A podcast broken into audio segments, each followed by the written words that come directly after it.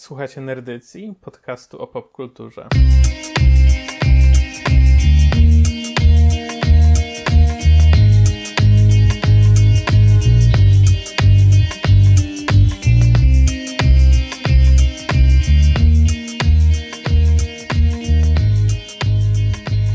Jest ze mną jak co tydzień, co miesiąc. Damian. Dzisiaj będziemy mieli taki troszkę relaxed fit, wydaje mi się, odcinek, bo oboje jesteśmy po różnych chorobach i dawno nie nagrywaliśmy. E, I będzie trochę taki, wydaje mi się, znowu, tak mieliśmy z jednej strony horrory ostatnio, czyli też nie nasza działka, a dzisiaj w ogóle wychodzimy, moim zdaniem, gdzieś tam daleko poza nasz comfort zone nerdycjowy i będziemy omawiali Kleopatrę, czyli stary hollywoodzki epic film. Z tą Kleopatrą trochę było tak, że, że to chyba moja wina, że dzisiaj ten film się wydarzy, bo jakoś miałem, miałem trochę dość różnych nowych filmów i, e, i też sci-fi trochę mnie nudziło. No nie wiem, jakoś coś, coś innego chciałem obejrzeć i gdzieś ta Kleopatra nam wskoczyła. Także zobaczymy, co z tego wyjdzie. E, tak jak Kuba powiedziałeś, no jest to nowy region, ale cieszę się na to, na nowe wody, żeby wypłynąć wraz z tobą. Tak, ja też, yy, też mi się przyjemnie oglądało ten film. Taka to była odmiana troszeczkę od yy, standardowego zestawu. I co, powiedz mi Damian, w ogóle, bo ty byłeś, ty byłeś prowodyrem tego, tego pomysłu, pomysłodawcą tego odcinka. Powiedz mi, dlaczego masz wkrętkę w jakieś stare hollywoodzkie filmy, czy po prostu masz jakąś wkrętkę w ten antyczne czasy, czy, czy skąd ci się wziął ten pomysł? Wiesz co, no i, i to i to. No. Ja w ogóle lubię, lubię i cenię stare filmy bardziej niż nowe zazwyczaj. I to jest nasz tutaj o, e, beef od, od samego początku niewypowiedziany, ale ja uważam, że wszystkie nowe filmy y, są tak naprawdę po prostu ukrytymi remake'ami najczęściej. Tak jak ten film, który dzisiaj oglądamy zresztą. tak jest. Nie, no i a poza tym y, po części chyba też dlatego, że w poprzednim odcinku poleciłem ten inny podcast, nie wiem czy pamiętasz, You Must Remember This i w związku z tym, że go poleciłem, zacząłem sobie znowu słuchać jakieś stare odcinki i jakoś tak wszedłem znowu w ten rytm właśnie tych lat 40., 50., 60. No a trzeci punkt taki, że lubię starożytność i jakoś się wkręciłem też przez ciebie, bo ty poleciłeś ten niemiecki serial Barbarians jakiś czas temu i my go spróbowaliśmy obejrzeć i był strasznie zły i nie daliśmy rady, ale jakby przypomniałem sobie, że takie fajnie zrobione filmy właśnie o starożytności to jest nawet spoko wkrętka. No i tak zacząłem obczajać i stworzyłem listę. Nie wiem, czy wrzucimy ją w notatki odcinka, czy nie, ale stworzyłem listę filmów właśnie hollywoodzkich o starożytnych czasach i jest ich bardzo dużo, no i jakoś tak, wiesz, krok po kroku. Nice. Czyli mówisz, że Barbarians wam nie podeszło? Nie, stary. No w sensie, bo zanim zaczniemy mówić o Kleopatrze, oczywiście zacznijmy od naszego wstępniaka, czyli coś, co nazywamy filmówką, czyli tak jak jest prasówka, to my będziemy mieli filmówkę, przegląd filmów.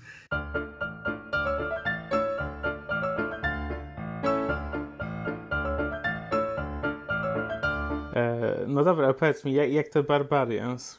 Bo mi się też nie podobało, ale obejrzałem do końca. No ja właśnie by tak byliśmy, że nie wiedzieliśmy, czy do, do, do, do obejrzeć. Pierwsze trzy odcinki obejrzeliśmy i potem byliśmy tacy, w sumie chyba nie ma co. Na pewno był ciekawy, no przez to, co nie wiem, czy rozmawialiśmy też w końcu y, na linii, na żywo, czy, czy poza audycją, nerdycją, ale no to, że w Niemczech prawie co prawa strona mocy politycznej, czyli partia AfD i różne inne naziole, Yy, bardzo się tym fascynują tym filmem, tym, tym serialem. I to było, to było ciekawe zobaczyć, wiesz, dlaczego i gdzie to tam się przejawia. No i jest ten taki element. Tak, totalnie nie, nie, nie wiedziałem o tym, jak go oglądałem, ale totalnie po prostu da się wyczuć ten klimat, że dokładnie taki typ osoby by się tym interesował. Tak, tak no, jakby to, co było ciekawe, na pewno to, że w tych hollywoodzkich filmach, takich, które ja kojarzyłem właśnie o starożytności, no jednak Rzym gdzieś tam zawsze jest tym dobrym. No, może być trochę niedobrze dobry, nie wiem, jak gladiatorzy, no ale jednak jest to pewnego rodzaju cywilizacja, coś tam. A tutaj jednak było tak, że, że to ci Germani mają cywilizację, a Rzym jest tym, tymi hordami. Także tak, wiesz, to było dziwnie odwrócone. Nawet ciekawie. Ale nie no, głównie jakby po prostu ten scenariusz był strasznie płytki. No. Tam się jakby nic nie działo, czego się nie spodziewałeś, że się nie wydarzy. Dialogi były hardkorowe, w sensie dialogi były takie, że naprawdę yy, wow. No i tak, no, także nie dokończyliśmy.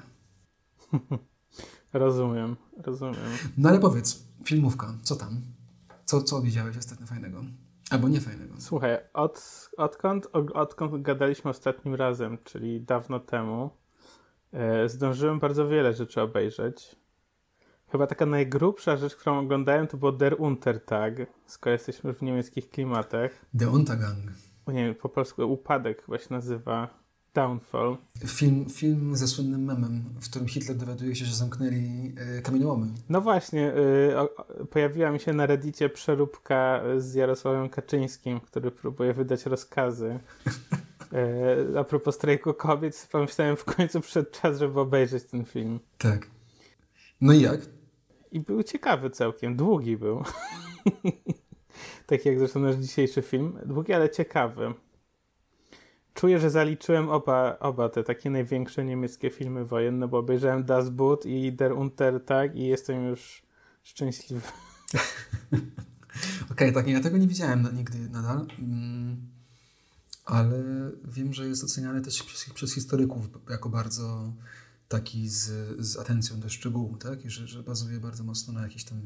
Zdecydowanie polecam, bo yy, jakoś taki, wiesz, daje wgląd w jakieś takie po prostu yy, totalitarne myślenie, nie? Jakiś kult jednostki oczywiście i jakoś mi się wydaje, to jest wartościowe zawsze no, w dzisiejszych czasach. No dobra. I co jeszcze?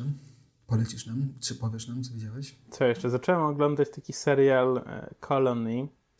Okay. E, z tam główną rolę męską gra aktor, który grał w Lostach Sawyera. E, I to jest taki serial o tym, że przylatują kosmici na Ziemię i no, rządzą ludzkością jednym słowem.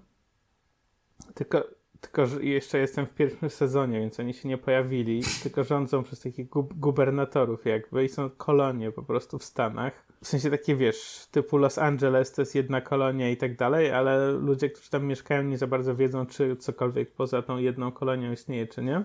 Mhm. E, I ten nasz Sawyer zostaje, słuchaj, tutaj cię może zaskoczę, zostaje członkiem policji, która ściga rebeliantów. Mhm. I wiesz, jest taki. A jego żona, Tudum, jest w, w La Resistance, okay. które on ściga, więc tak jest, wiesz. E, nie, nie wiadomo o co chodzi. E, I jest całkiem ciekawy. Taki, taki serial telewizyjny, mm. nie? Żadna wielka ten, żaden, żaden straszny ten.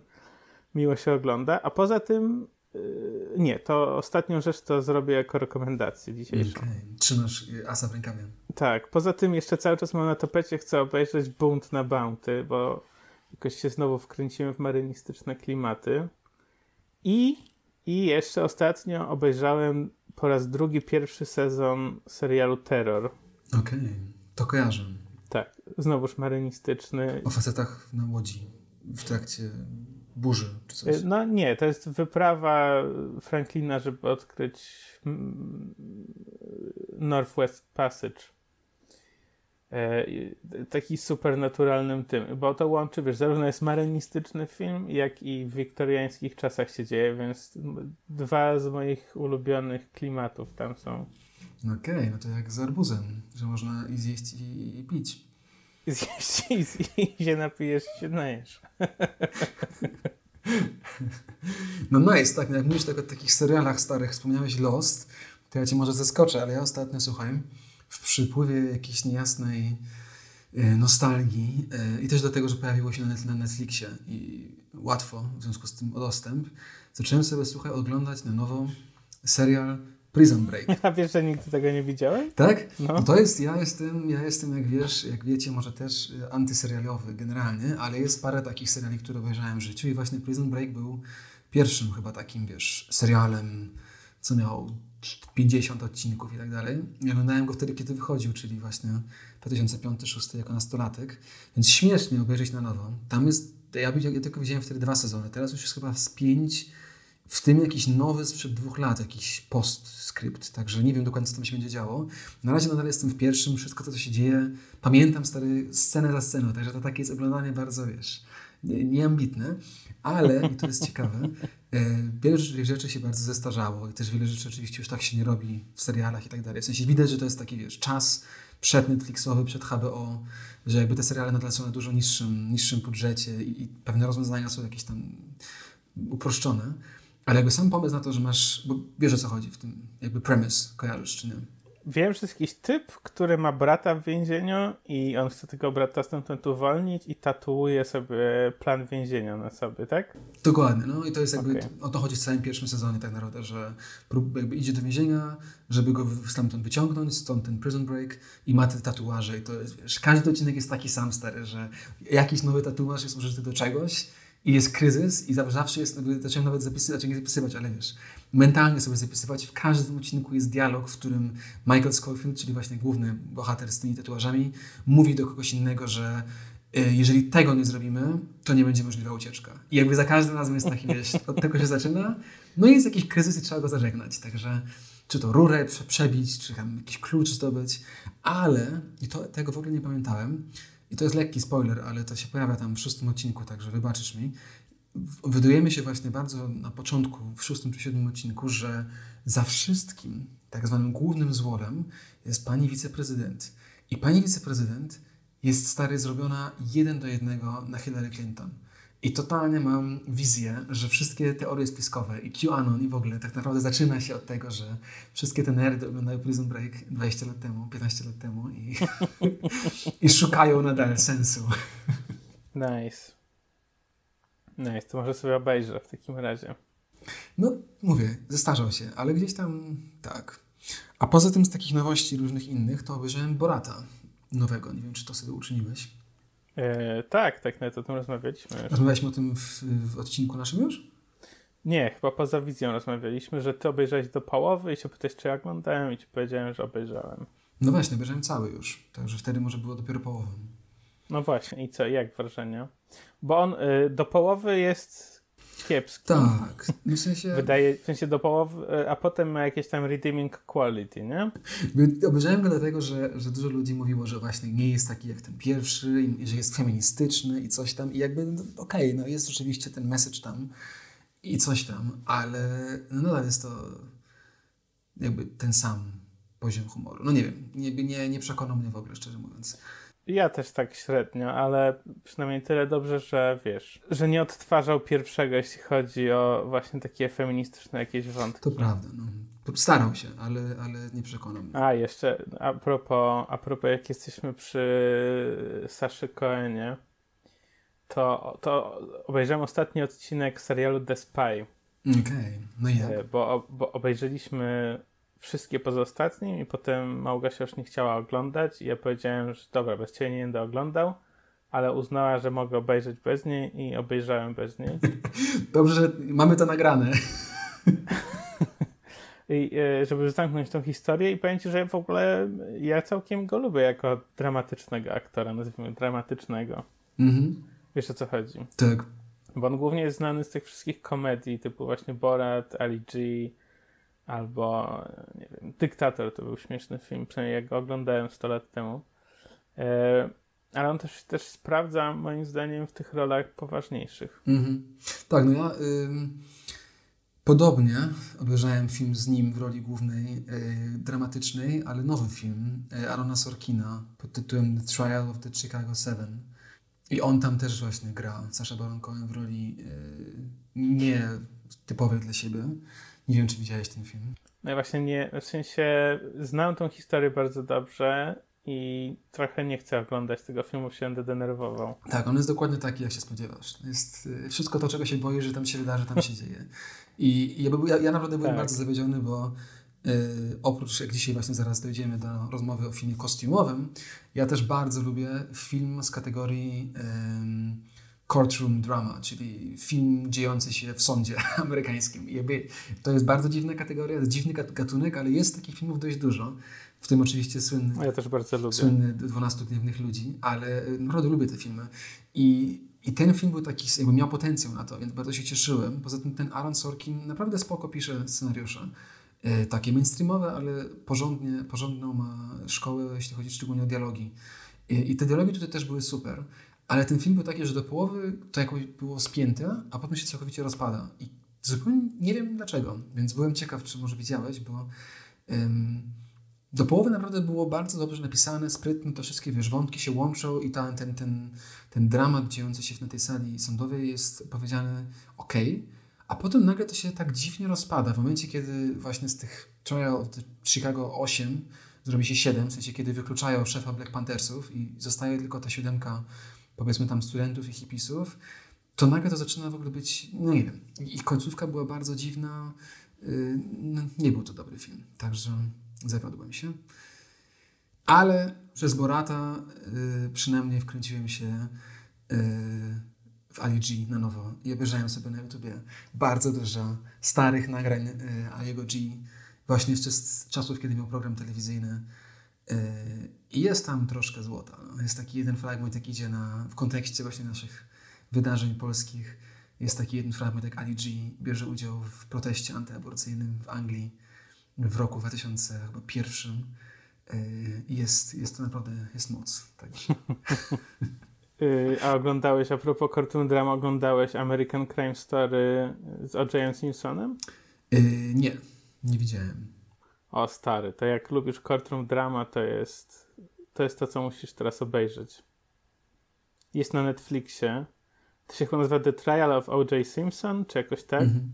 Jest, jak masz wkrętkę w courtroom, jeszcze czy jakoś ogarniasz amerykańskie klimaty, to naprawdę jest zajebisty. No dobra. To co? Przechodzimy do tematu odcinka? Myślę, że najwyższa pora.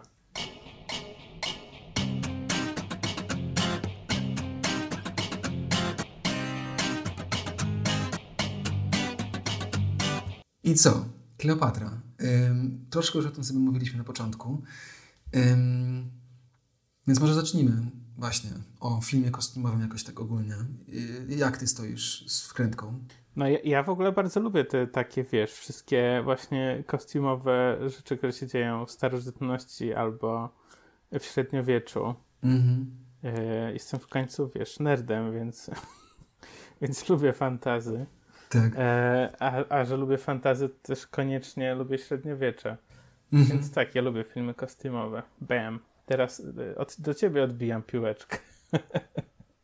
jak, jak ty z tym stoisz? Ja mam ogólny problem z tym pomysłem na gatunek, tylko powiem jakby upfront, bo nie jest tak, że w innych filmach e, czy w innych gatunkach mm, tak łatwo jakby skreślić jakiś film używając tego słowa. Wiesz o co chodzi, że bardzo często jest to takie, a, to film, film kostiumowy, to, a, pff, to jakaś taka y, melodrama. Y, a nie jest tak, w sensie totalnie jest tak, że to, że to jest film kostiumowy, to jakby opisuje jego wizualność w jakiś tam sposób, moim zdaniem, bardziej niż może też treść. I jakby to, co mnie kręci w filmach kostiumowych i jakby jakiego typu filmy kostiumowe mnie najbardziej kręcą, to są takie filmy właśnie jak dzisiejszy Kleopatra, czyli takie filmy teatralne. Że masz tak naprawdę to jest po prostu teatr, sztuka teatralna, przebrana w film. Ja, ja to, to, to jest coś, co mnie najbardziej e, interesuje tak naprawdę. Nie wiem jak ty. E, no i też drugi punkt, czyli dobra nawalanka.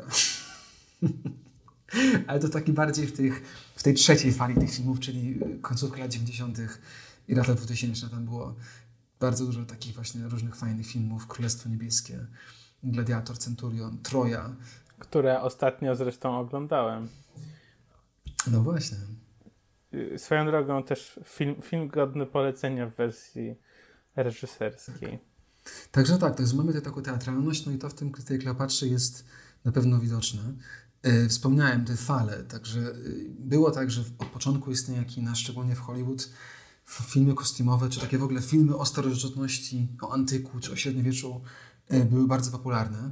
W latach dziesiątych, nastych, dwudziestych to była taka pierwsza fala i tym okresie też powstają wersje różne Kleopatry, e, a potem taka druga wielka fala to są lata 50., 60. Po części związane z, z końcem II wojny światowej i ze zmianami społecznymi, po części z oczekiwaniem widzów, e, po części z sytuacją polityczną. I tych filmów powstaje strasznie, strasznie dużo. E, tak jak właśnie mówiłem, jest ta lista, którą sobie zrobiłem i na tej liście tych filmów mam 49 i z nich znakomita większość jest właśnie w tamtym czasie. I zaraz sobie może jeszcze przy, przy, omówimy je czy coś. No i gdzieś tam chyba jest jakiś powrót, co? Pod koniec lat 90., 2000, początku. Ym, właśnie Gladiator, Troja, Królestwo Niebieskie, nawet takie beznadziejne filmy jak 300. I chyba znowu to minęło, co myślisz? W sensie mam wrażenie, że znowu trochę minęły, minęła wkręty w te filmy, czy nie?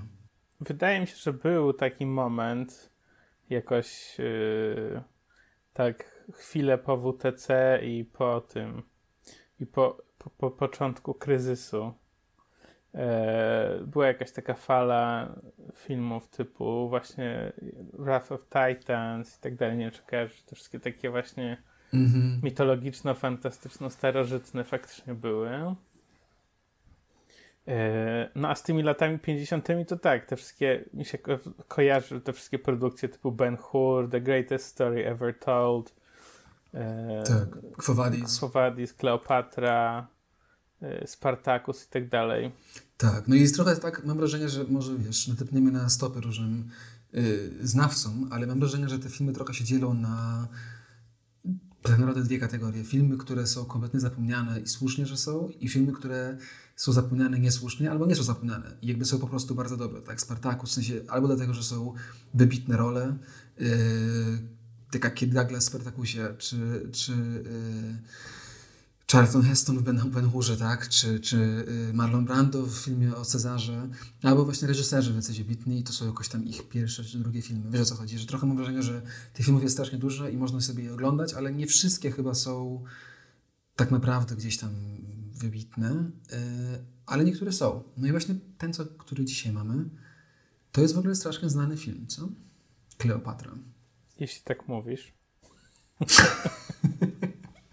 No nie, ale w sensie słyszałeś o nim w swoim życiu, widziałeś, kojarzysz czy nie? Bo jakby ja mam totalnie, mam go, widziałem go pierwszy raz tydzień temu, a mam zdjęcia przed oczami, w sensie Elizabeth Taylor jako po prostu y, ikona, y, na równi postawiona, w sensie Kleopatra po prostu jest nią i ona jest Kleopatrą, nie? I jakby, no nie wiem, portrety Warhola potem robione jej, no jakby mam bardzo dużo obrazów wokół tego filmu, a widziałem go dopiero niedawno, także mam wrażenie, że jest taki o pokory. Czyli... A ty w ogóle masz wkrętkę w stare Hollywood? Tak, no. No, widzisz, ja nie mam. Ale wydaje mi się, że ten film dużo zyskuje, jak się ma wkrętkę w stare Hollywood. Gośka na przykład bardzo dużą wkrętkę ma w stare Hollywood i e, totalnie mi wszystkie historie sprzedawała w miarę jak oglądaliśmy ten film. No właśnie, poza tym jeszcze obejrzałeś film dokumentalny w ogóle o jego tworzeniu, także Kuba, opowiedz nam o tym filmie. Kto go zrobił, dlaczego, jak? Daj nam jakieś dobre ploteczki historyczne. No wiesz, to było, to było dawno lata, temu. Lata 60. No wiem. No. Więc nie wiem, nie wiem na ile moje e, memory banks jeszcze przechowują te wszystkie informacje. No ale tak, to może ty najpierw, słuchaj, opowiedz nam, yy, bo ten film tak naprawdę pojawia się w takim czasie historycznym dla Hollywood u schyłku systemu studyjnego. Tak. Zaraz za chwilę będzie fala różnych y, reżyserów, takich autorskich, y, nowego pokolenia, którzy będą po prostu kręcili swoje filmy, bardziej niezależne. Ale teraz w roku 63, kiedy ten film wychodzi, jeszcze jesteśmy na końcu systemu studyjnego. I może powiedz ze dwa słowa o tym systemie studyjnym, a potem ja przejmę historię już o samej Kleopatrze. No o tym już kiedyś wspominaliśmy, nie pamiętam przy którym filmie i chyba też generalnie jest to coś, co gdzieś tam się kojarzy ludziom, ale to prawda, że, że to jest taki, taki yy, koncept, który gdzieś tam istnieje, a może nie do końca jest jasny. A tak naprawdę chodzi o bardzo prostą sprawę, yy, czyli o podatki i o finanse. I, I chodziło o to, że w latach 20., 30. z czasem wytwarzania się tego, co znamy jako Hollywood, wytworzyły się też wielkie filmy produkcyjne i z różnych powodów tak jak mówię, głównie podatkowych, różne części, y, czy to w Los Angeles, czy w Stanach dookoła, y, na różnych terenach lepiej było robić filmy, na innych drożej. Y, to był pierwszy punkt. Drugi punkt był taki, że mm, to, co my znamy jako, jako kultura celebrytów, czyli aktorzy, aktorki, którzy są, jakby dla nich idzie na film, to też jest ten moment, że, że różne studia, szczególnie MGM, ale, ale też Paramount, wytworzyło taki pomysł, że żeby sprzedawać film aktorką czy aktorem. I yy, to gdzieś tam wytworzyło taki właśnie system, że dane osoby były zatrudniane na kontrakt, dostawały pensję tygodniową, miesięczną. W tym kontrakcie było zapisane, ile filmów rocznie mają robić i jak robić. Zarówno reżyserzy, scenarzyści, jak i właśnie aktorzy, aktorki i, i no, generalnie ludzie związani z filmem. I, I trochę to był taki właśnie system, stąd to nazwa studyjna, system studyjny, tak, że były te studia, które miały kontrakty, wytwarzały te filmy tak, jak się wytwarza cokolwiek innego seryjnie. I to nie znaczy, że one były złe, czy gorsze, czy inne, ale chodzi o pewnego rodzaju sposób, jak to funkcjonowało. I to, to, to działało gdzieś tam właśnie w tych latach 20., 30., 40. i na początku lat 50. zaczęło się rozpadać z różnych powodów, głównie ym, z powodów antymonopolowych i, i dążenia do, do gdzieś tam zniszczenia monopolu filmowego przez y, rząd Stanów Zjednoczonych, też z powodów takich, że po prostu wytworzyła się ta kultura celebrytów niezwiązana y, już tylko ze studiami, tylko ludzie chcieli iść, ogląda, iść oglądać film z Elizabeth Taylor, nie dlatego, że to był film ze studia Fox, tylko dlatego, że tam była Elizabeth Taylor, tylko, że trochę ich y, niejako, wiesz, przerosło własne, własne dzieło. No i chyba tak, nie wiem. Warto jeszcze dodać, że tak, że, że, że, że ci aktorzy, którzy byli na tych kontraktach, yy, też tak naprawdę te studia jakby kreowały ich postaci, nie? Czyli one miały różne tam zapisy, że nie mogą robić różnych rzeczy, że powinny się jakoś zachowywać. Też im jakby śluby e, i randki i tak dalej wszystko ustawiali, żeby jak najlepszy obraz, najbardziej family friendly czy pożądane sobą reprezentowały. Tak, no i właśnie to jest ciekawe w ogóle w tym filmie dzisiaj, dlatego też wydaje mi się, że, że super, że gadamy o tym, o tej Kleopatrze, bo Elizabeth Taylor jest, wydaje mi się, najbardziej naprawdę um, symptomatyczną i, i, i, e, i ikoniczną um, postacią, um, zarówno jako pierwsza celebrytka, celebrytka, taka naprawdę znana, wiesz, z tego, że jest znana w pewnym momencie, ze skandali wokół siebie, po tym okresie, ale też jako osoba, która jakby była częścią tego systemu studiowego. Tak? Ona została znaleziona, e, stworzona jako aktorka, jako nastoletnie dziecko i tak naprawdę całe jej życie, zarówno osobiste, jak i zawodowe, było kierowane przez Fox. E, I jest to całkiem e, przerażające. Do tego stopnia, że tylko taki jeden też sobie zapisałem, smaczek, który wydaje mi się, że oddaje, jak, jaka to była skala kontroli gdy Elizabeth Taylor wychodziła za mąż po raz trzeci e, i właśnie była trzeci z ośmiu e, w swoim długim życiu, studio filmowe, e, dlatego że właśnie Elizabeth Taylor funkcjonowała jako taka idealna osoba, bez, bez skazy, czasów oczywiście, gdzie ta skaza, skaza była rozumiana jako, jako rozwiązłość seksualna i własne opinie. Ślub był tak zorganizowany, że wszyscy aktorzy, którzy we wszystkich filmach dotychczas, w którym Elizabeth Taylor grała, którzy wcielali się w tych filmach w rolę jej rodziców, byli zaproszeni yy, i siedzieli wokół głównego stolika razem z jej prawdziwymi rodzicami i z prawdziwymi rodzicami pana młodego.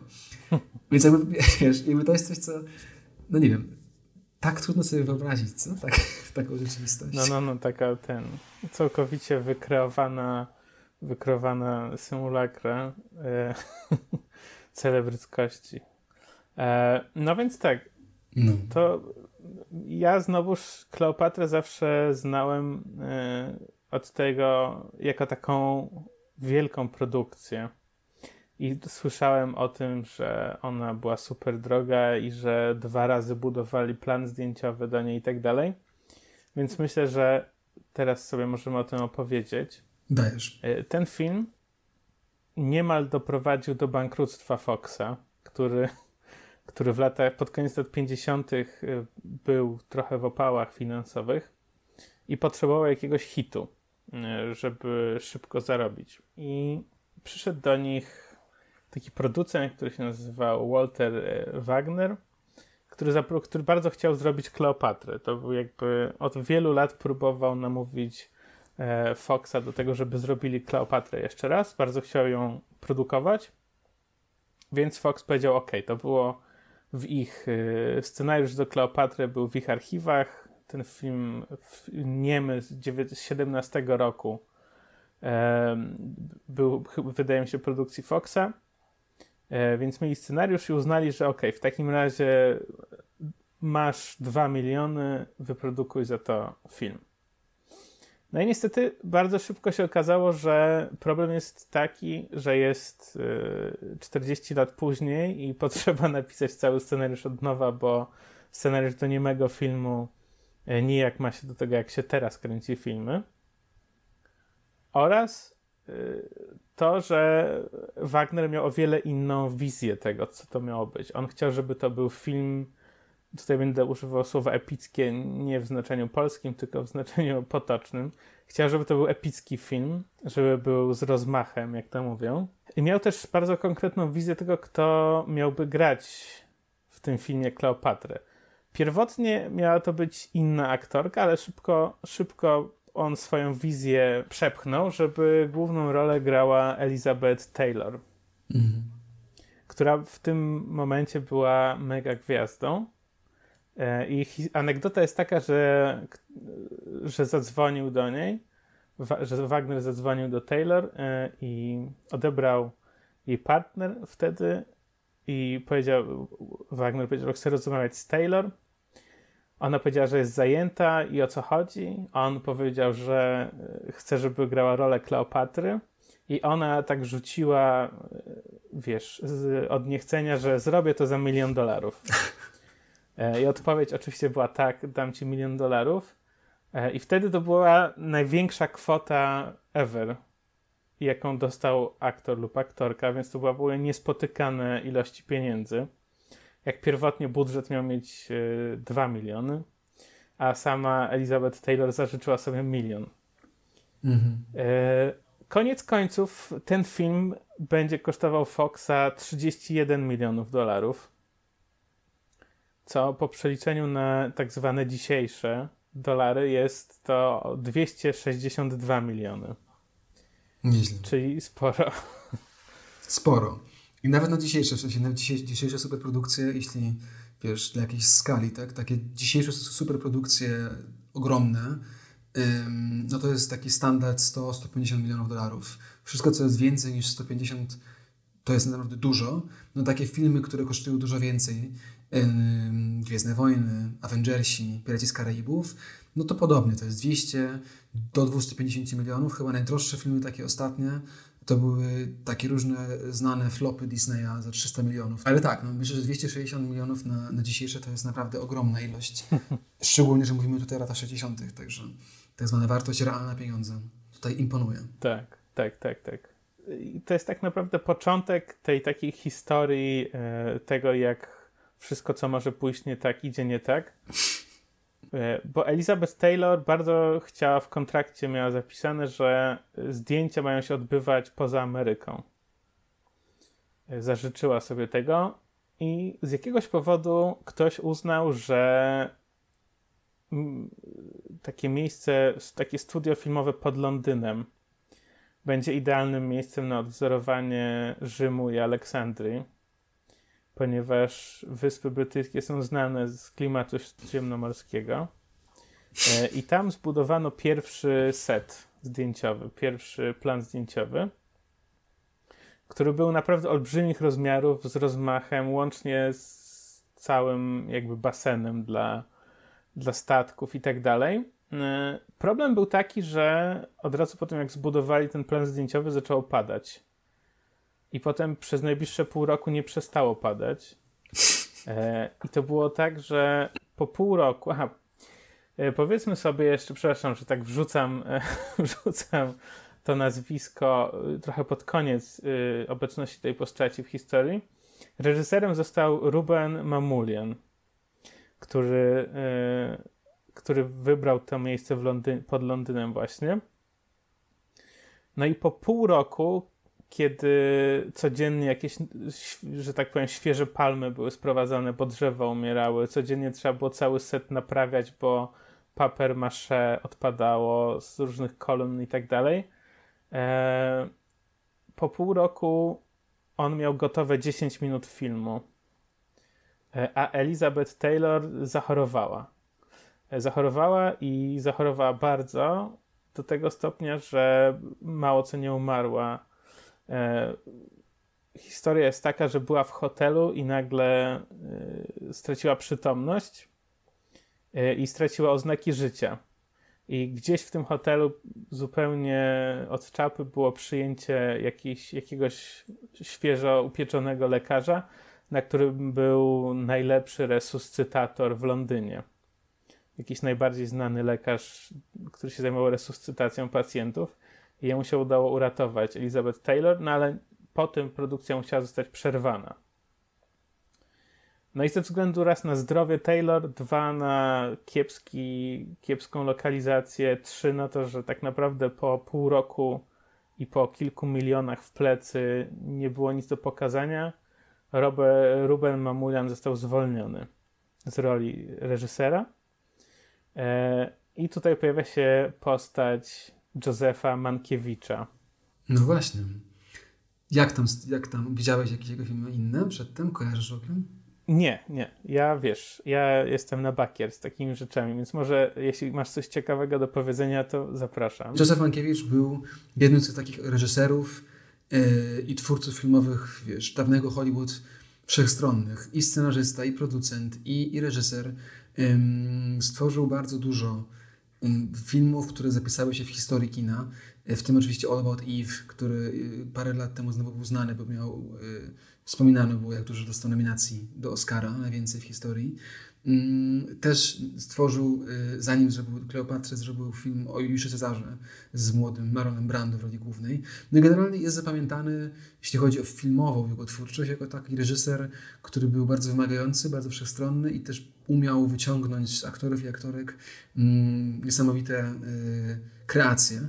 Y, nie jest dobrze zapamiętany y, z kolei z tego, że był hardkorowym prawakiem i był totalnie umoczony po głowę w makartizmie. Jak były, bo to są te same czasy, o których oczywiście mówimy, czyli lata 50., czas kontroli i, i paranoi społecznej, kto jest komunistą, a kto nie jest. No i część twórców w Hollywood E, wykazała się kurażem społecznym i nie brała udziału w, w polowaniach na czarownice, a część nie. No i takich właśnie najbardziej znanych, może trzech, którzy brali udział, bardzo aktywny, właśnie jest Mankiewicz, Elia Kazan, inny bardzo znany i ceniony reżyser, no i oczywiście Ronald Reagan, który potem y, też na fali tego został politykiem, a pod koniec też prezydentem, 30 lat później, y, który wtedy był szefem Związku zawodowego aktorów. Także y, no, taka postać powiedzmy nie do końca w pełni fajna, ale z rodziny filmowców jego brat też był scenarzystą współodpowiedzialnym za Citizen Kane, za który dostał Oscara. Także no, mówimy tutaj o tak zwanym arystokracji hollywoodzkiej. Także wkracza Mankiewicz i przejmuje ten film. tak, wkracza Mankiewicz i przejmuje ten film. E, I jedną z pierwszych rzeczy, które postanawia zrobić, wiedząc, że ma dużo czasu ze względu na to, że trzeba zbudować nowy plan zdjęciowy i Taylor musi mm, wrócić do zdrowia, postanawia drugi raz od nowa całkowicie napisać scenariusz. Uznaje, że to, co do tej pory zostało zrobione, jest totalnie bezużyteczne i on tego nie będzie kręcił i postanawia sam napisać scenariusz. Mhm. Trochę na podstawie Szekspira, trochę na podstawie innych rzeczy. I to jest coś, co będzie się przewijało do końca tej historii, ponieważ y, on ten scenariusz nie starczyło mu czasu, zanim zaczęli kręcić zdjęcia. Mhm. E, I jego dzień wyglądał tak, że rano wstawał, zajmował się rzeczami takimi, którymi powinien się zajmować producent. Potem w ciągu dnia y, reżyserował, a wieczorami pisał scenariusz. E, I podobno było tak, że rano musiał dostawać zastrzyki, które pozwalały mu funkcjonować na pełnych obrotach, a wieczorami musiał dostawać zastrzyki, które pozwalały mu zasnąć. Więc non-stop był, że tak powiem, na skraju wyczerpania. E, I w ogóle cały ten, e, cały ten plan zdjęciowy drugi, który został zbudowany pod Rzymem w sławnym Cinecittà, w którym ty podobno byłeś. Podobno byłem? Podobno byłeś tam. Nie byłem w Cinecittà, e, niestety jeszcze. Tam, gdzie ja byłem i możliwe skąd, stąd wzięła się ta plotka może. Ja byłem w innym miejscu, byłem w Hiszpanii, w studiu filmowym, w którym kręcili wszystkie, czy większość spaghetti westernów mm. Andaluzji. E, tam byłem, nice. bo właśnie się okazało parę lat temu, że, że spaghetti westerny kręcili Włosi, ale kręcili je w Hiszpanii. I właśnie jest y, set zdjęciowy, który teraz jest takim bardzo smutnym i opuszczonym parkiem rozrywki. Y, no ale jakby dla ludzi, którzy lubią te westerny, jest to całkiem niezłe. Także tam byłem. Więc pewnie stąd, ten, stąd te informacje. Okej, okay. czyli mam zły, zły Intel mam. Y, nowy plan zdjęciowy powstaje w Cinecittà, czyli w takim studio filmowym pod Rzymem, które powstało y, z inicjatywy Mussoliniego zresztą. No ale co szybko, szybko to Cinecittà i ten plan Rzymu staje się najgorętszym miejscem spotkań towarzyskich y, całej socjetki rzymskiej nie tylko. I bardzo szybko to się zaczyna przeradzać w taki karnawał troszeczkę. To w ogóle wydaje mi się trochę funkcjonuje poza jakąkolwiek logiką. I bardzo szybko y, okazuje się, że pieniądze zaczynają tam znikać po prostu. I budżet z dnia na dzień staje się coraz bardziej nie, do, nie do zaakceptowania przez Foxa, bo ludzie tam zaczynają wydawać pieniądze na bardzo dziwne bardzo dziwne rzeczy. Mhm. Myślę, że powinniśmy po prostu zalinkować, e, zalinkować e, ten film dokumentalny, bo nie ma sensu go teraz streszczać. Mhm. E, Nato, natomiast sama produkcja jest bardzo ciekawa i chaotyczna ze względu na to właśnie, że Mankiewicz pisze scenariusz na bieżąco, więc jakby sceny nie są kręcone powiedzmy w jednej lokacji wszystkie sceny, potem w drugiej i tak dalej, żeby jak najbardziej efektywnie to robić tylko są kręcone w miarę pisania, tak? Czyli jednego dnia są w Aleksandrii, innego dnia jadą gdzieś tam, trzeciego coś tam robią innego. Tak. I wielu aktorów też po prostu zamiast wykonywać swoją robotę w dwa tygodnie i zająć się innymi projektami, po prostu siedziało i czekało mhm. na to, aż będą ich role gotowe, tak? Więc y, w pewnym momencie y, zarówno aktor, który grał Marka Aureliusza, czyli Richard Barton, jak i e, aktor, który grał mm, Zwola naszego, Oktawiana, Augusta, e, zrobili mały detour i pojechali do Francji e, zagrać cameo w filmie o lądowaniu w Normandii, bo nie mieli co robić. No i po tych wszystkich perturbacjach, po wydaniu wielu milionów i tak dalej, w końcu film zostaje nakręcony i zostaje zrobiony pierwszy edit tego filmu przez Mankiewicza, który miał ponad 6 godzin. No właśnie, ale poczekaj, zanim dojdziemy do, do, do samego filmu, no, no, no. bardzo ładnie opowiedziałeś tutaj backstory jego burzliwej produkcji i zatrzymamy się na tym momencie. Mamy edit 6-godzinny, wersję absolutnie megalomańską. Mm, parę rzeczy jeszcze mnie ciekawi, które wydaje mi się, że można, można by poruszyć jeszcze zanim, zanim wejdziemy do tego filmu bardziej szczegółowo. Pierwsza, y, i to, i to, ci, to, to tutaj tylko trzeba wspomnieć, bo, bo też mi się to non stop myli. Marek Aureliusz i Marek Antoniusz, dwie, dwie różne osoby. A, Marek Antoniusz, okej, okay. Mark Antoni, masz rację. mi się to też cały czas myliło. E, Marek Aureliusz to oczywiście znany cesarz rzymski, który tak. żył e, w naszej erze, w okolicach e, połowy I i II wieku. Cesarz i filozof. Tak, słynny. E, Marek Antoniusz z kolei to jest ten, o którym tutaj e, rozmawiamy. E, I dlaczego istotny jest ten Marek Antoniusz? Z dwóch powodów jest istotny. Z pierwszego, tak jak już powiedziałeś, bo mamy tutaj postać aktora Richarda Burtona, bardzo ważną, pewnie równie ważną co, co Elizabeth Taylor i, i zaraz sobie o nim pogadamy jeszcze. Ale drugą istotnym momentem jest to, że mnie w ogóle ciekawi, zanim zaczniemy mówić o tym filmie, dlaczego w ogóle Kleopatra? I to jest coś, co, co wydaje mi się bardzo ciekawe tak ogólnie kulturowo, że opowieści takich różnych, wiesz, e, e, e, eposów, epopei, toposów kulturowych mamy bardzo dużo i w większości są one o mężczyznach. Jednak, mimo wszystko. A takich właśnie opowieści o kobietach, szczególnie o kobietach u władzy, jest bardzo mało.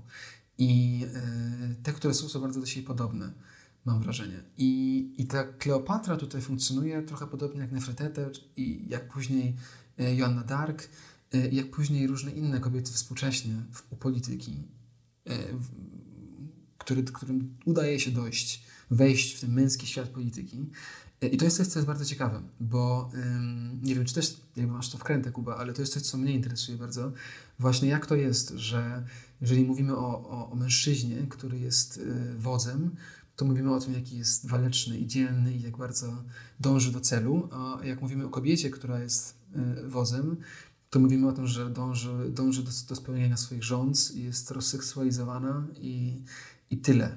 I jakby ta Kleopatra tutaj jest, szczególnie właśnie w tej wersji, w tym filmie, mega ciekawa, bo mam wrażenie, że mamy oba elementy połączone i to jest coś, co, co potem jeszcze pogadamy sobie więcej, ale yy, tylko tutaj, żeby wspomnieć właśnie też powiedziałeś o tym, że ten film gdzieś tam bazuje na Szekspirze.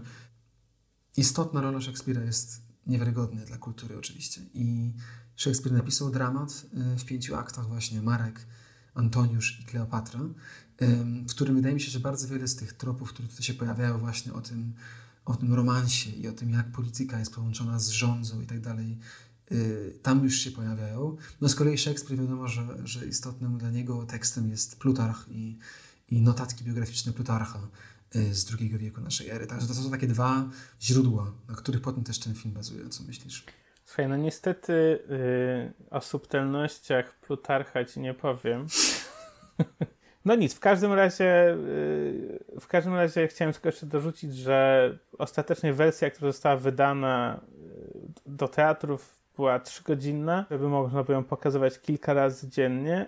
Natomiast my oczywiście dzisiaj znamy, oglądaliśmy wersję czterogodzinną, tak zwaną roadshow theatrical release czyli wersję taką przedpremierową, można by ją nazwać, pokazywaną różnym e, osobistościom z Foxa i tak dalej. I, i tak, ja mam ponad 4 godziny, czyli dość długo. Nie wiem jak ty, ale my oglądaliśmy ten film na dwa razy. No tak, on też się bardzo ładnie do tego nadaje, bo po prostu masz jest podzielony na intermezza i na akty i na e, epilogi i jakby cały jest dodany ten element muzyczny. No, to jest coś, co ja bardzo lubię w tych starych filmach hollywoodzkich, że masz jakby do filmu napisaną symfonię tak. i, i zanim w ogóle się zacznie, to już masz 5 minut tylko muzyki, nie? żeby cię wejść w nastrój. Mankiewicz w ogóle jeszcze, a propos dwóch, dwóch części, Mankiewicz y, pierwotnie chciał, żeby to były dwa filmy, że pierwszy nazywał się Juliusz Cezar i Kleopatra, a drugi, żeby się nazywał Marek Antoniusz.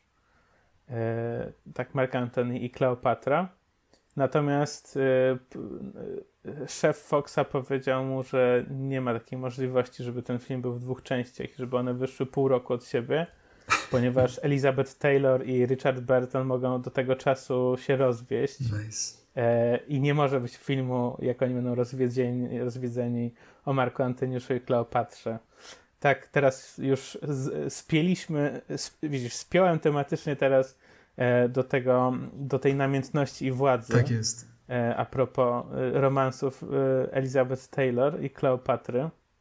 Więc może w takim razie wgryźmy się w to, o czym ty chciałeś pogadać, jak ja już skończyłem swoją fa faktograficzną część.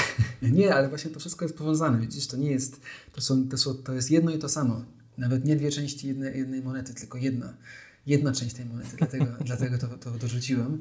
E, I dobrze, że tak ładnie tutaj widzisz, wymieniamy się e, informacjami, bo, bo tak, e, Elizabeth Taylor i Richard Burton, jak wszyscy wiemy, albo jak przynajmniej wtedy wszyscy wiedzieli, w trakcie tego filmu wchodzą w romans i, i też tuż po się rozwodzą ze swoimi obecnymi na tamte czasy małżonkami i się wychodzą za mąż za siebie i będą w tym małżeństwem przez, przez dość długi czas, potem się rozwiodą, znowu zejdą, ale tak, Taylor i Barton to był taki, taki, taka Brangelina lat 60., e, czyli, czyli aktor i aktorka, którzy byli mega znani sami dla siebie, a jako para stali się jeszcze bardziej znani, zarówno na ekranie, jak i poza. Wystąpili razem w 11 filmach e, w różnych konstelacjach. Najbardziej znane chyba te filmy, przynajmniej dla mnie, no to Kleopatra i właśnie Kto się boi Virginia Woolf. E, nie wiem, czy ten film widziałeś, Kuba.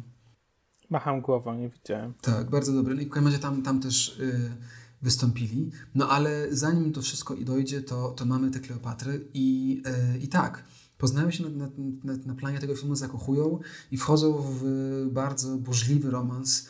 Y, po części to, co też mówiłeś, te wszystkie opóźnienia też sprowadzają się do tego, że yy, tak przynajmniej się o tym mówi, były wielogodzinne kłótnie między nimi, które powodowały to, że cały set i cała, cała ekipa filmowa musiała czekać, aż dojdą do porozumienia. E, czasem też nie dochodzili i te, te zdjęcia przesuwały się na kolejne dni. Fox oczywiście sprytnie już wtedy postanowił to wykorzystać.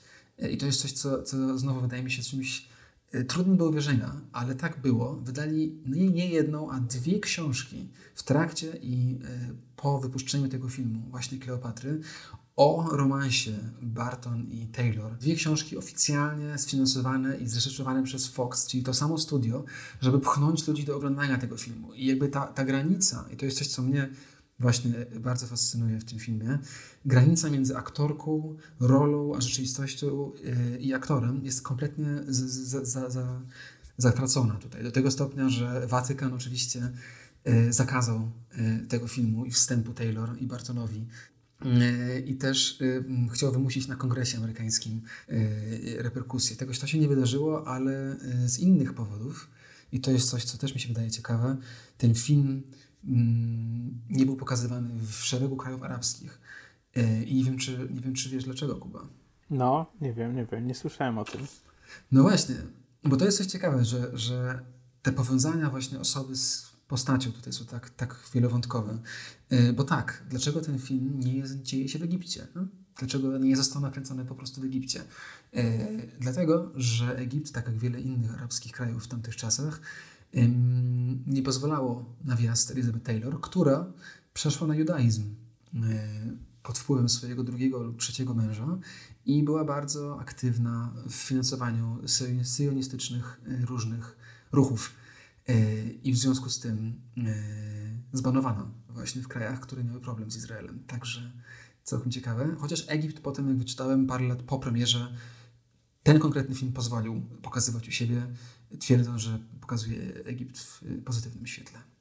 Ciekawe, ciekawe to jest bardzo, bo wydaje mi się, że, że jakby łączenie Egiptu w wieku XX z Egiptem, który jest przedstawiony w Kleopatrze, jest więc tak samo accurate jak łączenie Rzymu w XX wieku z Rzymem pokazanym w filmie Kleopatra.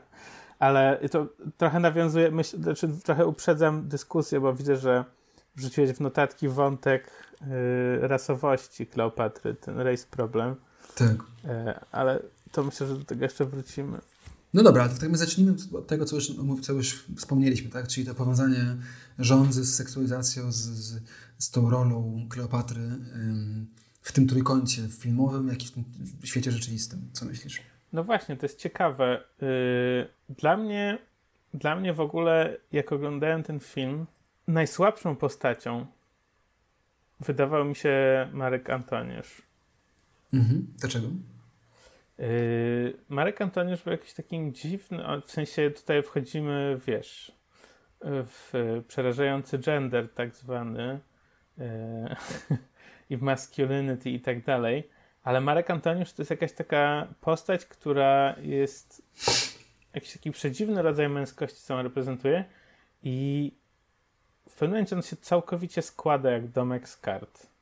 Drugi wątek, znaczy rzucę kilka wątków i możemy potem może o nich pogadać. Dobra. Drugi wątek ciekawy, jak jesteśmy już przy masculinity, to jest Octavian August. Mhm. Y, aktor, który do końca życia jakby nie zrobił coming outu, a dużo osób uważa, jego biogra biografistów, że y, był y, gejem i wydaje mi się, że y, takie miał trochę vibe takiego gay villain. Mhm na pewno bardzo zefeminizowany, w sensie sfeminizowany był bardzo w porównaniu do na przykład Marka Aureliusza. Y, no i trzecia rzecz, y, Cezar, Ultimate Daddy na początku mm. filmu. Y, I, no i ta Kleopatra, która z jednej strony z jednej strony jest super silna, jest totalnie totalnie jest oddana właśnie temu, co mówiłeś, czyli tej władzy i, jakby temu marzeniu przywrócenia y, chwały y, Aleksandra Wielkiego. Jakieś tego w ogóle bardzo mi się podobał, podobał w tym filmie ten wątek tego, żeby te ludy Egiptu i Rzymu żyły razem y, w jakiejś takiej zgodzie. Bardzo mi się to wydawało śmieszne i naiwne. A z drugiej strony zakochuje się w tym Marku Aure Antoniuszu. E, jakoś tak totalnie e, to Małgosia, e, żeby nie było, że jest anonimowa praca kobiet. Małgosia powiedziała, że nieprzekonywująco. Dla mnie też to był dziwny wątek tego romansu, bo ona jest tak nagle w nim zakochuje I jakoś tak zupełnie też tak samo trochę się składa, tak jak ona. Wydaje mi się, że lepiej zachowuje jednak priorytet rządzenia krajem niż, y, niż on. Natomiast y, zaczyna podejmować jakieś takie dziwne i właśnie nieracjonalne decyzje, które, tak jak mówisz, tak.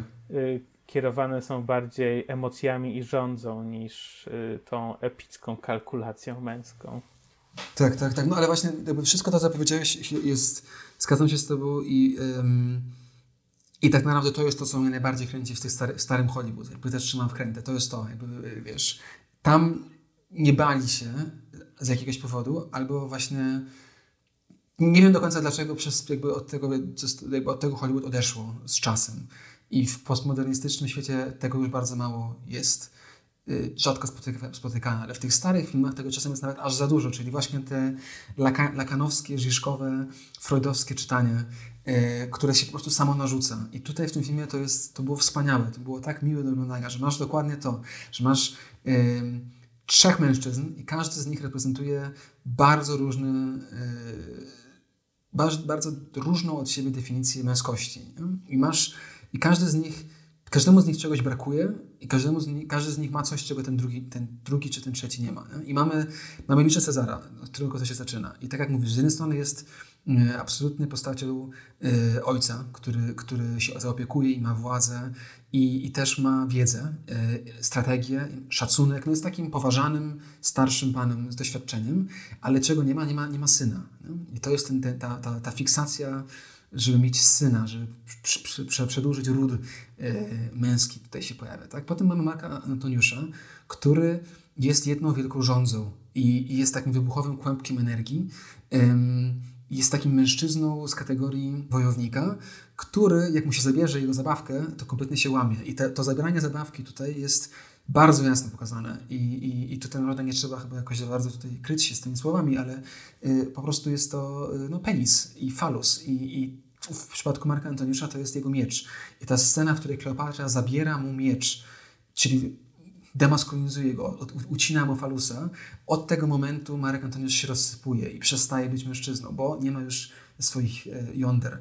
I to jest niesamowite. E, I ten trzeci, tak jak mówisz, Oktawian, który no, na, tamte, na tamte czasy i na to, co mogło być pokazywane, jest zdecydowanie na tyle, ile się dało gejem, ale ukryła się w roli właśnie tego męskiego mężczyzny, który próbuje rządzić i w związku z tym też coś tam nie działa. I pod koniec to jest on, on jest tym, tylko jemu się udaje poskromić Kleopatrę, która w tym wszystkim oczywiście funkcjonuje jako ta esencja i definicja kobiecych rząd, tak? które z jednej strony y, wszyscy jej pożądają, bo jest piękna, jest wspaniała i seksowna, a z drugiej strony sama ma swoje cele polityczne i te cele polityczne, dopóki są realizowane u boku tego pierwszego mężczyzny Cezara, gdzieś tam są na horyzoncie i pod kontrolą, ale w momencie, gdy ona sama, i też nawet jest taka cała scena dialogowa, w której Antoniusz mówi do niej, że, y, że ją kocha i że, i że będzie tylko parafrazuję, nie pamiętam dokładnie, ale pamiętasz, mówi, że będzie się słuchał miłości, a ona na to mówi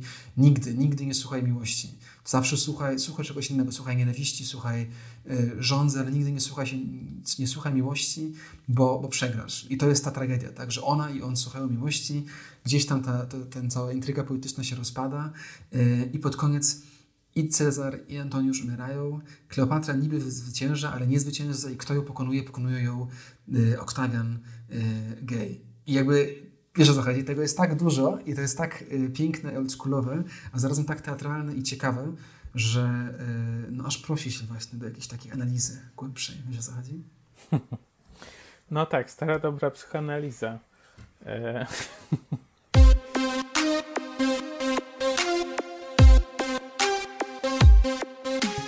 Mówisz, że ci się Antoniusz nie podobał. Nie podobał ci się w porównaniu do Cezara, tak? Bo mówisz, że tak, to był, jakby przedstawiony już Cezar bardziej ci przekonało cię, a że Antoniusz miał bardziej, był mniej przekonujący, czy jak? To nie jest kwestia przekonywania, czy nie, bo wiesz, różne postaci mogą być napisane i różne rzeczy mogą reprezentować, natomiast yy, jakoś wydawał mi się po prostu bardzo, nie wiem, czy anachroniczny, czy jakiś taki na pewno, na pewno nie jest to bohater dzisiejszych czasów, jeśli chodzi o rodzaj męskości, który sobą reprezentuje, nie? Yy, więc jakby o to mi chodziło. I też, yy, no tak jak mówię, kolektywnie tutaj żeśmy oglądając go stwierdzili, że on jest po prostu no, no trudno, trudno jakby trudno określić, dlaczego się Kleopatra w nim zakochuje. Mhm, tak. No z takiej, wiesz, filmowej interpretacji jakoś gdzieś tam te, te, te pytania właśnie o męskość żeńskość, maskulinizm, feminizm i tak dalej, to generalnie wydaje mi się, że jest takie pytanie, wiesz, do każdego filmu o starożytności, tak? Dlaczego, dlaczego dzieje się dana opowieść w antyku? I tutaj gdzieś tam wydaje mi się też bardzo sprytne to rozwiązanie, że ten Rzym jednak jest bardziej tym męskim elementem, a Egipt tym żeńskim. I to nie tylko tylko przez Kleopatrę oczywiście, która stoi na przeciwwadze do, do męskich mężczyzn w Rzymie, w Senacie, czy potem właśnie tych cesarzy różnych, y, ale też z tym, co się dzieje z różnymi postaciami, gdy zmieniają przestrzeń. O co chodzi? Nie wiem, czy zwróciłeś na to uwagę, ale to było coś, co, co właśnie ta teatralność tego mnie bardzo urzekła, że gdy różne postaci są w Rzymie, zachowują się inaczej niż jak są w Egipcie. Te same postaci, nie? że cesarz, Cezar czy Antoniusz w Rzymie jest dużo bardziej męski w takim zrozumieniu, wiesz, w cudzysłowie oczywiście, tak jako ten, ten który ma kontrolę i, i rządzi i, i, power, tak? Antoniusz wychodzi za, za Antoniusz żeni się z yy, wdową po cesarze, tak? I tak dalej, gdy jest w Rzymie, a gdy jest w Egipcie, jest pod pełną kontrolą Kleopatry z jednej strony, z drugiej strony właśnie zachowuje się tak, jak się zachowuje, wiesz, nie, nie męsko w cudzysłowie. Wiesz o co chodzi, że to takie przestrzenność bardzo jasno zdefiniowana właśnie jako coś, co jest naprzeciw, przeciw, przeciw sobie, że męskość i żeńskość jest gdzieś tam przeciw sobie. E, wydawało mi się to bardzo, bardzo ciekawe. No dobrze, widzę, że masz yy, widzę, że masz wkrętkę sporą w ten film. To co jeszcze chciałbyś dorzucić do tych postaci? Czy, czy jakieś postaci drugoplanowe Ci się podobały? Mi się wszystkie podobały. Jakby ja jestem naprawdę, takie miałem oczekiwania raczej negatywne, a, a bardzo zaskoczyłem się pozytywnie tym filmem właśnie przez tę teatralność. Nie mówię, że wszystko mi się podoba, co tam się dzieje, czy się zgadzam tak, z tym właśnie wizją y, kobiety u władzy, ale wydaje mi się, że jest to bardzo ciekawy okaz pewnego trendu, jak, jak mówimy o kobietach u władzy do dzisiaj. Hillary Clinton włącznie. Ym, I to mi się wydaje ciekawe.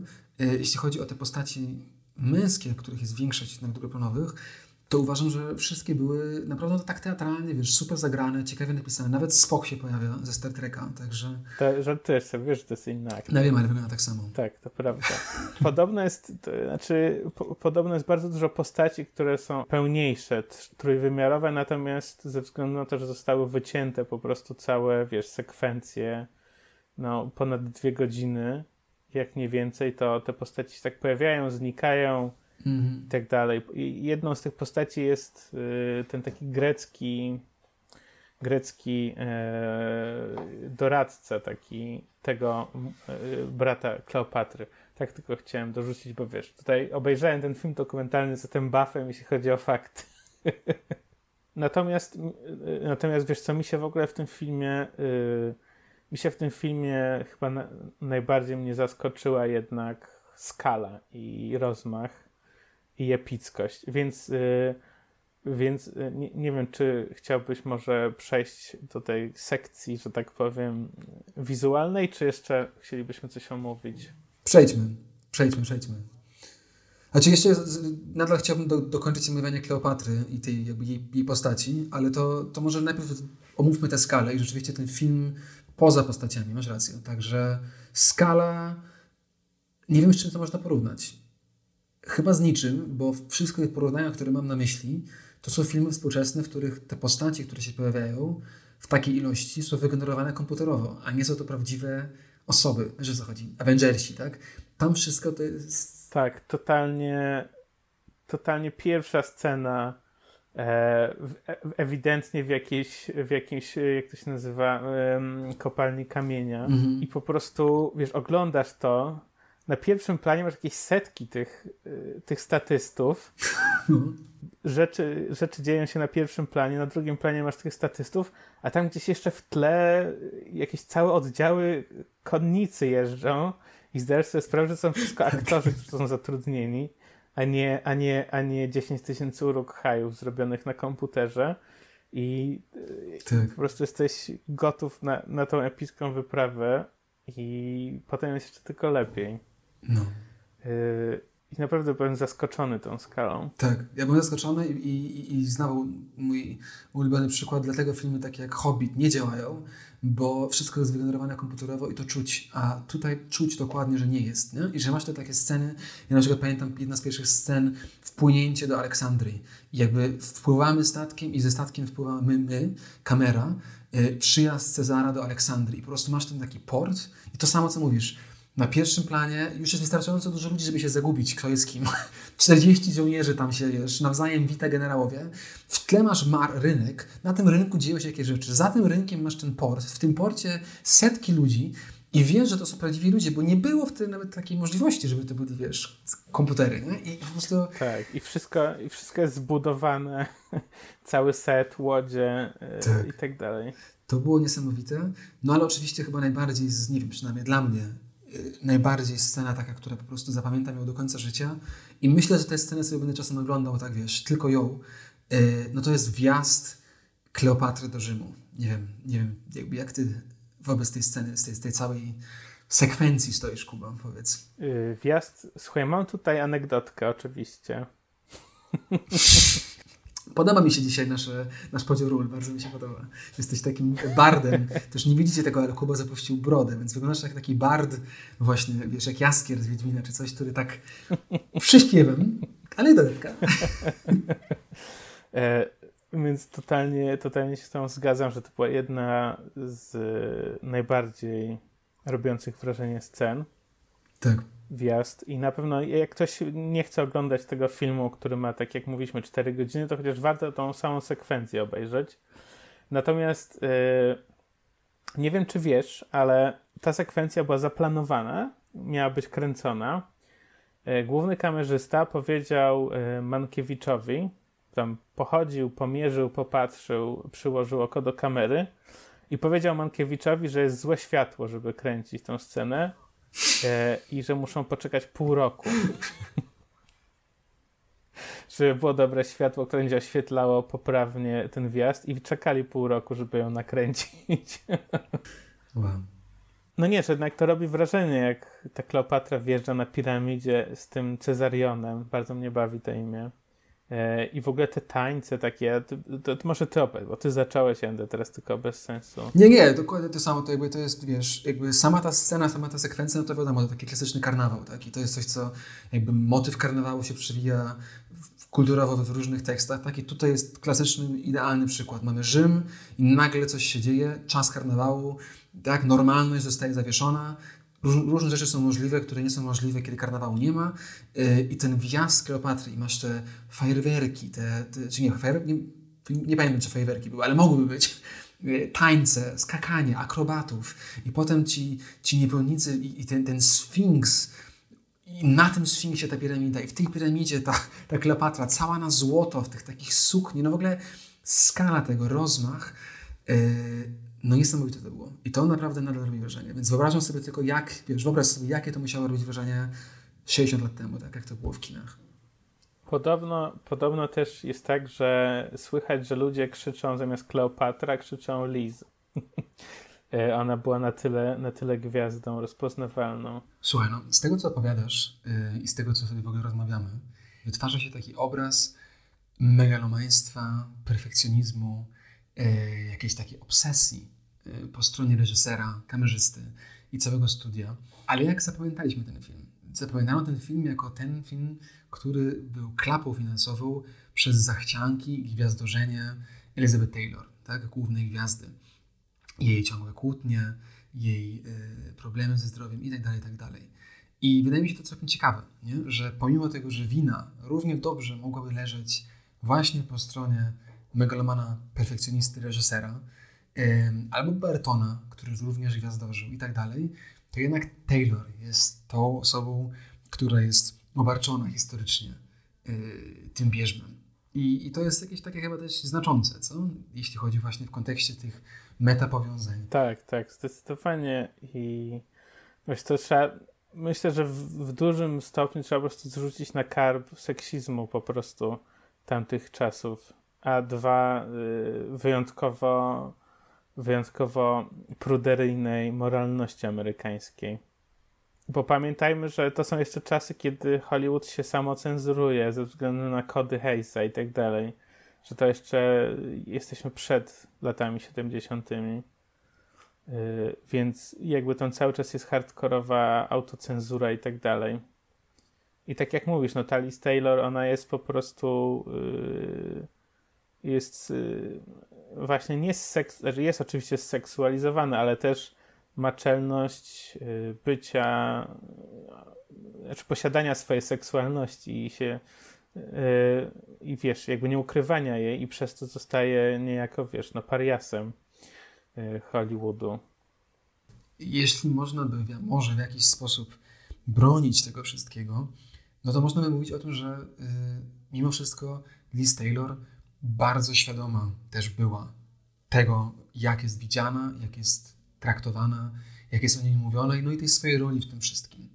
I mm, o co mi tutaj chodzi? Chodzi mi o to, że zarówno w filmie, yy, na poziomie fabularnym mamy sceny takie trochę, wiesz, yy, może wchodzące ponad czwartą ścianę, tak, poza czwartą ścianę, czyli niejako puszczające oka do widza, jak i w samym zachowaniu Taylor wokół tego filmu to samo trochę się dzieje, że ona jest bardzo świadoma tego, co się dzieje.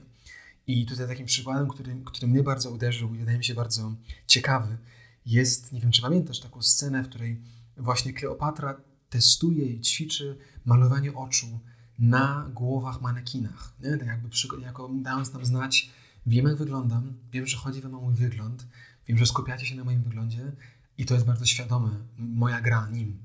E, jest taka inna scena, w której Kleopatra mówi swoim dworzankom, żeby zachowywały się i tańczyły i śpiewały bardziej egipsko, bo, bo tego oczekują Rzymianie. I to też jest takie śmieszne, no bo no właśnie, ci Rzymianie to są w ramach tego filmu, a w ramach tak zwanego świata to jesteśmy my, my widzowie. Nie? Nasze oczekiwania w stosunku do tego filmu, w stosunku do Taylor i tak dalej. Bardzo często Kleopatra ma takie ruchy, w których y, ucisza tłum, nie? i mówi jakby niejako, on jest w pełni kontroli, tak? jest w pełnej kontroli i, i to czuć, i to widać. Um, innym tym elementem jest oczywiście cały styl, tak? czyli już tutaj wspomniany wielokrotnie Warhol, który maluje Taylor i e, niejako no, na wieki wieków tak, e, uwiecznia ten wygląd, ale w ogóle tak, te całe lata 60. niejako były zdominowane tym wyglądem. Kobiety ubierały się, chciały się tak ubierać, wyglądać, jak zachowywać jak Elizabeth Taylor, ale właśnie też jak Kleopatra, yy, aż do jakiegoś takiego momentu wręcz groteskowego, tak? że te lata 70. gdzieś tam są takim bardzo świadomym złamaniem tego stylu i, i odwrotem i yy, no pójściem w innym kierunku zupełnie. Nie? I ten styl tak bardzo właśnie rozpoznawalny, a potem wręcz taki groteskowy w tym wszystkim. No jest y, napięcie wokół tych poziomów i tego, kto jest kim i, i tak dalej. Wiesz, co mam na myśli?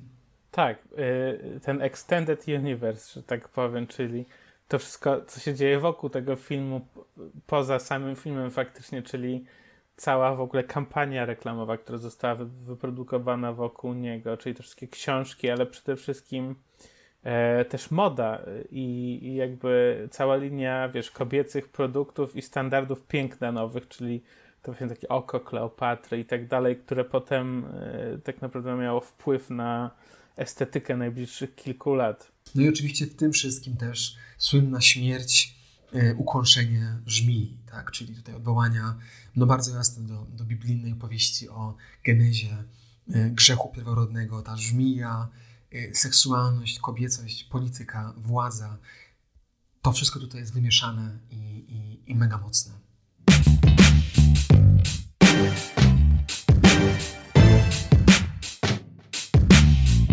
No dobra, Kuba. A jeszcze jedna nam została tutaj kwestia do omówienia i z tego jak Cię znam, to jest coś, co Ciebie chyba dość interesuje, ciekawi e, właśnie podczas oglądania filmów, czy w ogóle tak zwanej rozkminki popkulturowej, czyli kwestia e, rasowości i problemów rasowych. Może, może jest to, to jest coś, o czym chciałbyś jeszcze porozmawiać. No wiesz, interesuje, nie interesuje.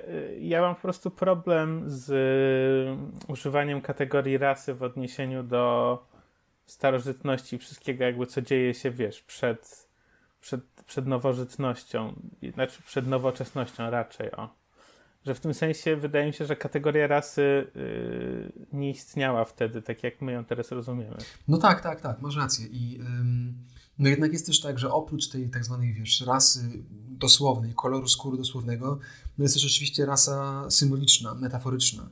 I, i tak, no tak jak tych naszych koncepcji rasowych w tych czasach starożytnych rzeczywiście może nie ma jedno do jednego w taki sposób, no ale to jednak mimo wszystko da się powiedzieć, tak, z przymrużeniem oka, czy w cudzysłowie, y, że no jednak Rzymianie i ten świat helenistyczny jest dużo bardziej biały, tak, w cudzysłowie, niż y, właśnie Egipt. I, I dlatego wydaje mi się to ciekawe, że mamy tutaj do czynienia, do czynienia z no jednak gromadą aktorów klasycznie wyedukowanych, y, z brytyjskim akcentem, białych, kompletnie, pod każdą kategorią białych, i, e, no a jednak świat dziejący się między Rzymem a Egiptem i tutaj ta, ta dychotomia właśnie między tym zachodem, wschodem, wiesz, orientalizm tutaj oczywiście też bardzo jasny i to othering, tak, wytwarzanie tego innego.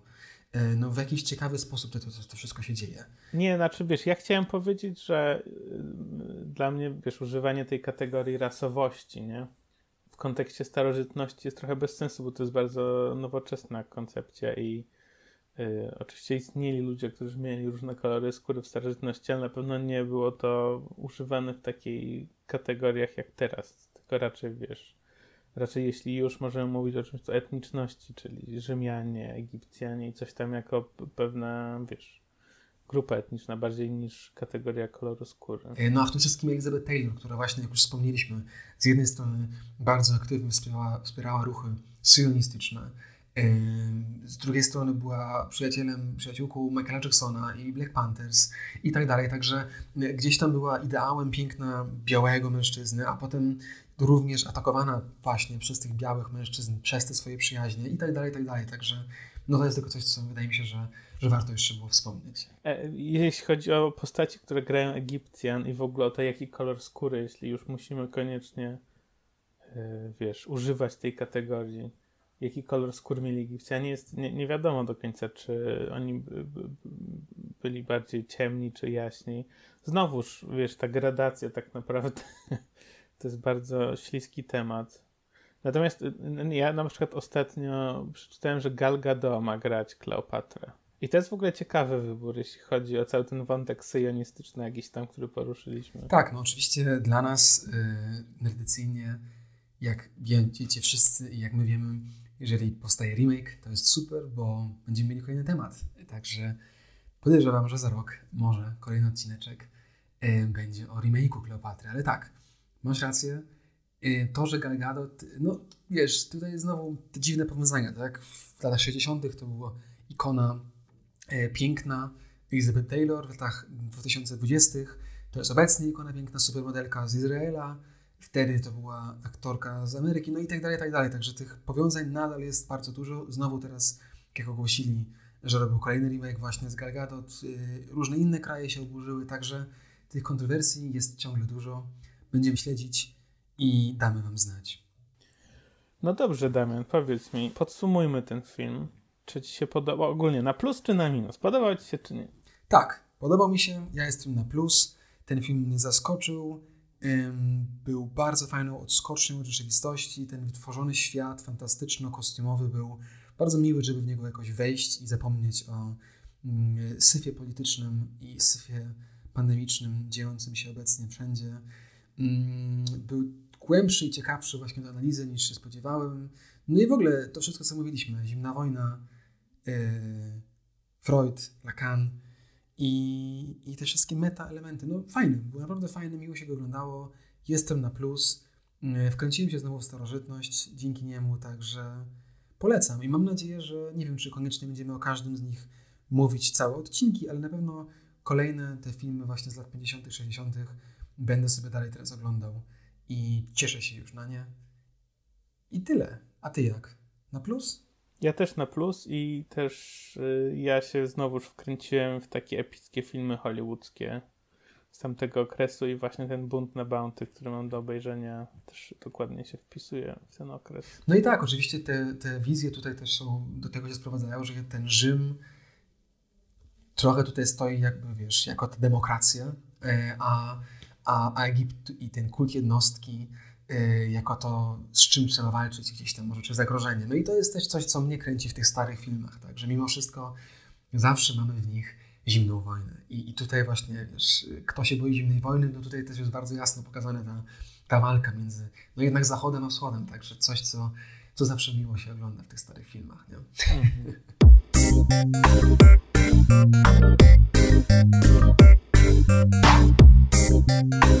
No dobra, to co? Przejdźmy do rekomendacji. Mm, co masz dzisiaj dla nas, Kuba? Ja polecę Alienist, The Alienist serial, mm-hmm. który ostatnio oglądam. To jest serial, który słuchaj, dzieje się y, w Stanach na przełomie wieków mm-hmm. XIX i XX. Jest o. To jest taki, wiesz, detektywistyczno-kryminalny, yy, taki jak, nie wiem, Criminal Minds czy coś tam, czyli właśnie takie popularne, że próbujemy rozgryźć, jak myśli seryjny morderca, tylko że e, nie jest to, wiesz, nie jest to FBI i po 100 latach psychologii, tylko na samym początku, jak się ta psychologia jako dziedzina nauki w ogóle rodzi, nie? I mamy tam e, kolejny wątek niemiecki, bo mamy tego aktora, on się nazywa Martin Brühl, nie, Martin Brühl, na pewno mamy czegoś tak. Ten, który gra w Goodbye Lenin. Daniel Brühl, no tak, wiadomo, Niemiec w Hollywood. W każdym filmie, jak zagra Niemiec, jest to albo Christopher Waltz, albo Daniel Brühl. Niemiec w Hollywood. Tak, ja, ja go bardzo lubię. Co, i polecam ten film. E, serial, przepraszam. Teraz wyszedł drugi sezon, którego nie widziałem, ale za to jakby przypomniało mi, od, mi, mi, mi, to o tym serialu, go sobie właśnie dokończyłem wczoraj zresztą, pierwszy sezon i bardzo mi się podobał. No dobra, fajnie, dzięki. Y, no ja dzisiaj polecam książkę, nie wiem czy wyszła po polsku, w oryginale tytuł jest How to Live Safely in a Science Fictional Universe, czyli jak żyć bezpiecznie we wszechświecie y, sci-fiowym. Y, autor Charles Yu właśnie mm, parę dni temu dostał nagrodę mm, najważniejszą amerykańską za swoją nową książkę National Book Award. Mm, ta książka jest ciekawa pod tym względem, że jest taka trochę jak nasz dzisiejszy film, bardzo meta. Niby jest sci-fiem, ale tak naprawdę jest jakąś taką dyskusją o sci-fiu i wokół sci-fiu. Pokrótce chodzi w niej o świat, w którym podróżowanie w czasie jest możliwe, realne i miesza się te światy prawdziwe ze światami z różnych innych opowieści sci-fiowych i główny bohater jest technikiem, który jest wzywany, żeby naprawić maszyny, które nie działają, ale tak naprawdę ta opowieść jest dużo bardziej właśnie taką dyskusją wokół tego, czym jest podróż w czasie, dlaczego ona istnieje, co w niej szukamy, po co ją mamy i, i e, naprawdę fajna, naprawdę fajna, także polecam. Nice. No dobra. Dzięki Kuba za dzisiaj. Bardzo się cieszę, że udało mi się Ciebie namówić na obejrzenie tego filmu i dyskusję może trochę mniej typowo nerdycyjną, ale też to jest powiązane z naszym redesignem, rebrandingiem, e, naszą nową mocą tutaj płynącą z naszego nowego loga, że będziemy też poszerzać horyzonty i, i mam nadzieję, że wrócimy jeszcze do takich filmów. Tak, ja też, ja też dziękuję Tobie i dziękuję naszym słuchaczom i słuchaczkom i, i też zachęcam wszystkich do obejrzenia tego filmu Kleopatry. Dajcie znać, jeżeli obejrzycie ten film, czy Was przekonaliśmy, czy Was nie przekonaliśmy, co sądzicie i do usłyszenia. Dzięki Kuba. Trzymajcie się ciepło, zdrowo i uważajcie na siebie. Cześć, cześć. Pa, pa.